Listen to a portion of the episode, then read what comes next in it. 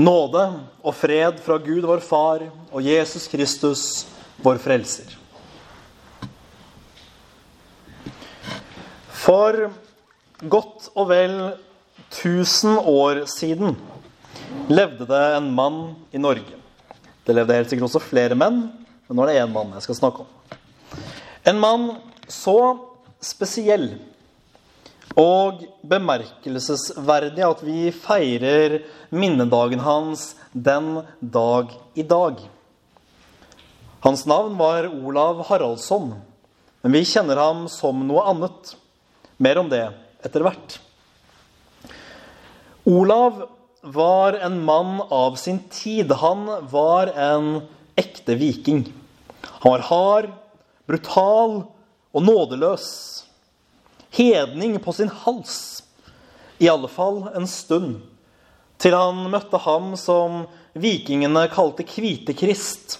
Jesus Kristus er jo det vi sier i dag. Olav skjønte at denne nye guden, som Jesus jo var for nordboerne, var noe unikt. Han var kanskje ny her i nord, men dette var den ene sanne Gud. Han som løsrevet fra myter og sagn faktisk hadde talt verden til bliven.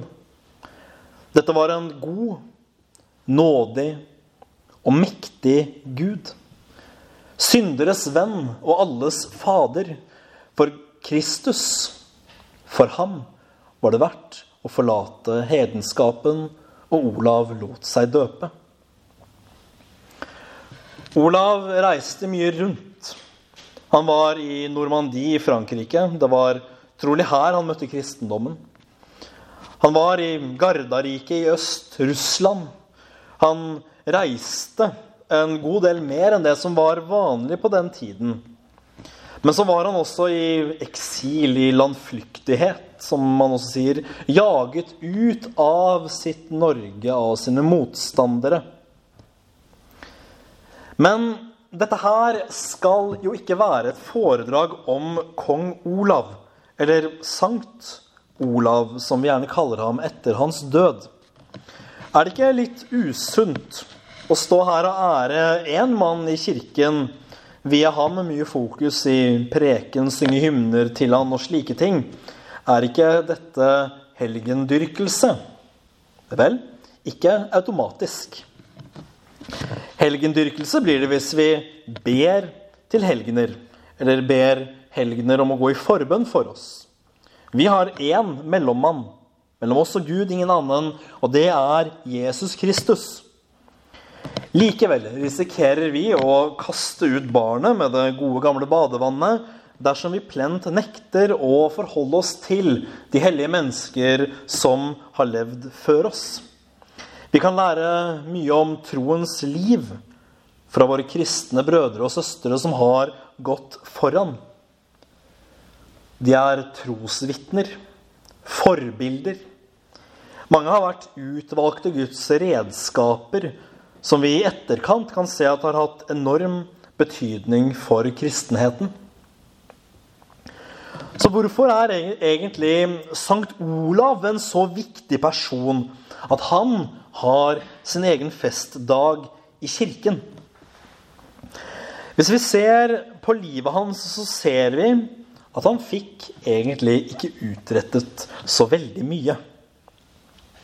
Olav han var etter, også, også etter sin omvendelse en kriger. Men som dere vet, så falt han under slaget på Stiklestad. Han hadde fått mange imot seg, og han gikk mot undergangen. Som kriger, for så vidt også litt som konge, må vi egentlig da kunne si at Olav var egentlig ganske mislykket. En krigers suksess regner jeg med at dere er enige måles i om man klarer å holde seg i live, og om man klarer å hindre andre i å holde seg i live. Klarer du det, så er du en god kriger. En død kriger det er altså en fryktelig dårlig kriger. En mislykket kriger. Og vi er nødt til å forstå dette. at etter Stiklestad så var alt tapt. Det var ikke slik at Olav døde akkurat idet de holdt på å vinne slaget, og så vant de, og så gikk alt bra selv om Olav døde. Nei, hæren den ble oppløst, og fiendene vant. Alt var tapt for de som hadde kastet sitt lodd. Med kongen så var det nå over. De var beseiret. Fienden hadde triumfert. Men så begynner det å skje ting. Og vi ser at det er ikke hva Sankt Olav utrettet med sitt liv som er det interessante, men hva han utrettet med sin død. Og da begynner det å bli spennende. For da ser vi hvilken enorme kraft det kan ha å legge ned sitt liv for en sak som er mye større enn en selv. Og det blir sant, det som Kirken har erfart siden den første tid at martyrenes blod ga kirken vekst. Og Jeg er nødt til å si noen ord om dette med martyrene. Det er en ganske vanlig misforståelse at Olavsøksene, disse som er representert både i Norges og Den norske kirkes våpenskjold, er et symbol på Olavs krigermakt. Han samlet og kristnet Norge med sverd. Det er fortellingen som presenteres. Og så legger man gjerne til en setning om hvor gærent det er. Men dette er et, en fortelling som i det store og det hele er ganske gal. Helt siden vi kristne begynte å framstille martyrer og andre helgener i kunsten i såkalte ikoner, så har det vært vanlig å framstille dem sammen med det våpenet som tok deres liv. Så også med Olav. Han ble drept på Stiklestad, og vi forstår det slik at han ga sitt liv for troen. Øksen som tok livet av Olav, utrettet så uendelig mye mer enn øksen som han selv brukte til å ta liv. For det var nemlig ikke over med Olavs død og tapet ved Stiklestad. Hans død tjente til å grunnfeste den kristne troen i Norge. Mange tenker seg vel kanskje at Norge ble kristent fordi Olav gikk rundt og truet og brant, tvangsdøpte og det som var. Det var i alle fall det jeg ble lært på skolen. Men det er et annet perspektiv. For da ting begynte å skje ved Olavs legeme, gjærtegn og under, helbredelser og mer til, så forsto selv hans fiender at dette var en sann gudsmann. Med sin død viste Olav at han var Guds venn, og han ble raskt helgenkåret faktisk av sine motstandere. I middelalderen så forsto man det slik at når noen var helgenkåret, da kom de direkte til himmelen. De hadde altså Guds øre, og man kunne be dem om forbønn. Nå er naturligvis ikke dette noe vi holder oss til i vår evangeliske kirke, men viktig å vite om dette er det likevel. Vi må forstå betydningen dette hadde for den jevne nordmann. At nå satt det en nordmann i himmelen og var Guds venn, en helgen. Og både i Roma og i Konstantinopel, de store verdenssentraene, ble denne mannen æret som hellig. For en skjør og ung nasjon så var dette stort. Så, det, så var det dette, heller enn Olavs tvang, som gjorde at folk flest fant troen på Kristus som sin egen. Nå var ikke lenger kristendommen fremmed, en religion fra et annet land. Den var også nå noe for de norske. Og miraklene bare fortsetter. Helt opp til den ganske moderne tid var Olsok den viktigste dagen for norsk nasjonalfølelse. Vi tenkte på og mintes at ja, vi kan faktisk styre dette landet selv. Vi trenger verken dansken eller svensken. Det er også en av konsekvensene av Olavs død. At dette daneveldet bryter sammen. For underlig nok, en stund etter Olavs død henter hans motstandere Olavs sønn Magnus tilbake fra utlandet de jager ut resten av Olavs fiender, og de setter Magnus til konge ut med danskene. Og her kommer poenget da, til dette halvforedraget. Alt dette kom ut av Olavs død og tap, og ikke hans seier. Så ser vi også hvordan dette har vært en grunnleggende sannhet i hele kirkens historie, som jeg sa, at martyrenes blod ga kirken vekst. Noe av det første som skjedde med den første kirke, var at den ble forfulgt av den romerske statsmakt. Egentlig skulle det ikke gått an at denne lille religiøse bevegelsen overlevde mot det mektige Romerriket. Men vi vet og bekjenner at Guds kraft fullendes i svakhet, slik apostelen Paulus sier det. Og i et tilsynelatende lite og svakt hvetekorn ligger kimen til en stor plante, bare den kommer i jorden og dør. Jeg kom til evangelieteksten til slutt. Ifølge Sigrid Undset var Sankt Olav nettopp det hvetekornet som hadde det som skulle til for å vokse i Norges jord. Men først måtte han dø. At Gud Fader snur tap til seier, død til liv for den kristne, det skal vi ikke undre oss over. Det har skjedd før. Med ham som vi alle har del i, i kraft av både vår tro og vår dåp. Vi vet jo alle sammen at Jesus led den grusomste døden på korset. Han var foraktet, overlatt til sine fiender, hånet på vei mot lidelse og død, og han døde faktisk. Har han ikke da tapt? Tilsynelatende absolutt. Og alt var tilsynelatende tapt. Disiplene trodde det. De gjemte seg, de låste seg inne i frykt for jødene. Bare to modige kvinner våget seg ut til graven for å stelle den. Der ser de hva vi har bekjent i 2000 år. At nederlaget bare var tilsynelatende. Jesus Kristus var stått opp fra de døde. Død var blitt til liv. Og det er jo nettopp om dette Jesus taler når han snakker om hvetekornet som dør. Hvetekornet er ham selv. Jorden er graven. Jesus kunne fortsatt sitt liv, levd gode dager og glade dager. Men det er først når han dør, og siden står opp, at hans korsfestelse og oppstandelse blir til liv for mange. Når Kristus er vårt forbilde i dette, så kan vi se hvordan det blir tydelig at å legge sitt liv ned At det å legge sitt liv ned blir til liv for andre og for en selv. Dette gjenspeiles også i Sankt Olavs død. Hans død ble til liv for ham selv. Han fikk del i den evige himmelske glede og liv for andre. Da evangeliets lys for alvor fikk skinne klart i Norges land. Vi skal ikke undervurdere denne kraften. Hedenskapen ble brutt med Olavs helgenkåring, og kristenretten ble befestet. Man sluttet å drepe gamle og svake.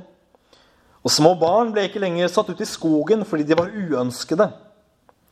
Man kan spørre seg om Norge er et kristent land fremdeles, eller om vi har vendt tilbake til hedenskapen. Men Olavs død blir et bilde på Kristus. Jesus sto opp fra døden og vant slik livet for seg selv. Han for opp til himmelen og regjerer der i evig herlighet. Og det er bra. Det er fantastisk. Men vi må også vite at Jesu død og oppstandelse blir til liv for oss. For oss som er her i dag i kirken, og for alle mennesker. Vi som var og er døde i våre synder. Alle de Guds bud vi bryter når vi lever i tråd med det, så, det som er vår dype fordervelse fra naturens side. Vi må erkjenne at i oss selv bor det intet som er godt. Alt er død og synd. Vil du til himmelen med dine gjerninger, din fromhet og ganske enkelt at du er sånn OK snill? Dit kommer du ikke på egen hånd. Men det som skjer når Jesus gir sitt liv på korset, og siden står opp, så henger han på Golgata i ditt sted. Der skulle du hengt, du som er en synder. Jeg skulle hengt der. Vi skulle hengt der alle sammen, alle som én. Men vi fikk gå fri. Ene og alene fordi Gud elsker oss så høyt at han ville gå inn i vårt sted. Dette er den store nåde som han har vist oss i evangeliet. Vi var døde, men ved evangeliet om Jesus Kristus, han som har forlatt oss alle våre synder, har vi liv. Død blir til liv. Og igjen så ser vi såkornets store mirakel. At noe tilsynelatende lite bærer kimen til noe stort. På samme måte er også vi kalt til å legge ned våre liv. Vi skal ikke hate våre liv på den måten at vi søker døden. Men vi skal heller ikke elske vårt liv så høyt at det går utover kjærligheten til våre medmennesker. Vi må også daglig dø for vårt gamle menneske. Det er det vi gjør når vi lever i omvendelsen og dåpens nåde. Da sier Martin Luther i katekismen at den gamle Adam i oss druknes daglig, og vi står opp til nytt liv med Kristus. Død og liv. Livet vokser frem. Men vi skal også legge ned våre liv for hverandre i de ulike sammenhengene vi står i. Apostelen Paulus han har befalt meg å elske min kone, slik Kristus har elsket kirken. Legge mitt liv ned for henne, og hun skal legge sitt liv ned for meg. Det handler om å sette den andre høyere enn seg selv. Å få barn er vel kanskje det største bildet på dette. Man setter seg selv helt til side for ett eller flere små mennesker som trenger deg. Er det ikke da tydelig for dere hvordan foreldreskapet er et bilde på Guds faderkjærlighet til oss i Jesus? Og som prest så er jeg kalt til å legge mitt liv ned i tjeneste for dere, den kristne menighet. Og til sist har dere også dette kallet. Som ektefolk og foreldre, ja. Men også som ganske vanlige kristne. Dette kallet gjelder oss alle. Vi skal legge vårt liv ned for våre kristne søsken og elske hverandre. Dette er et konkret, stort og hellig bud.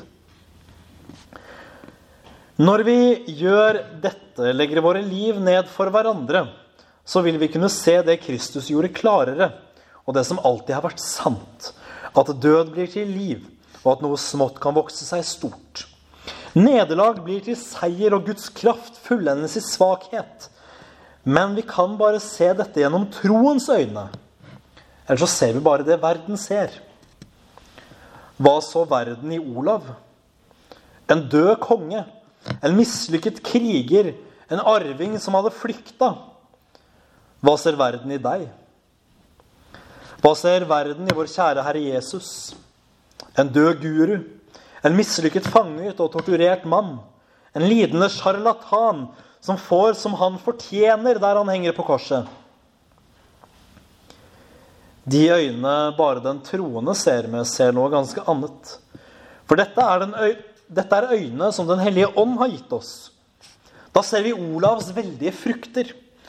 I våre egne liv ser vi nåde og kjærlighet, ikke bare alt det vi ikke får til. Og det aller viktigste når vi skuer Kristus. Da ser vi ikke nederlag. Vi ser seier. Vi ser ikke død, vi ser liv. Vi ser ikke en død vismann, vi ser den levende Guds sønn, lidende for våre synder. Men han er i sannhet den Messias som ble lovet oss. Se det mennesket, ropte Pilatus. Se Guds lam, roper vi, som bærer bort verdens synd. Han har tatt alt på seg, kjøpt deg og meg dyrt med sitt blod, så vi skal være hans egne. Han taper ikke, han seirer. Og visselig vet vi nettopp dette, at Herren har seiret, og at han skal seire til sist. Jesus Kristus seiret over døden og djevelen og alle synder på korset. Og i troen på ham har vi full forlatelse for alle våre synder. Herren seiret også gjennom Olavs død. Hedenskapens mørke ble brutt i Norge, og evangeliets lys fikk skinne fritt. Min bønn er at dette lys må skinne enn. Vil Gud seire? Visst vil han seire. Djevelen kunne ikke beseire oss. Kristus har vunnet. Olavs fiender kunne ikke beseire ham. Også der seiret Kristus.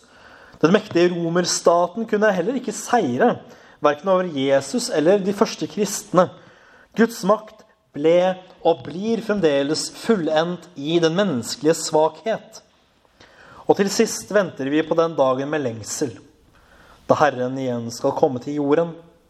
Ikke som den ydmyke og lidende tjener, men som den herlige og seirende konge. Ære være Faderen og Sønnen og Den hellige ånd, som var, er og blir en sann Gud, fra evighet og til evighet. Amen.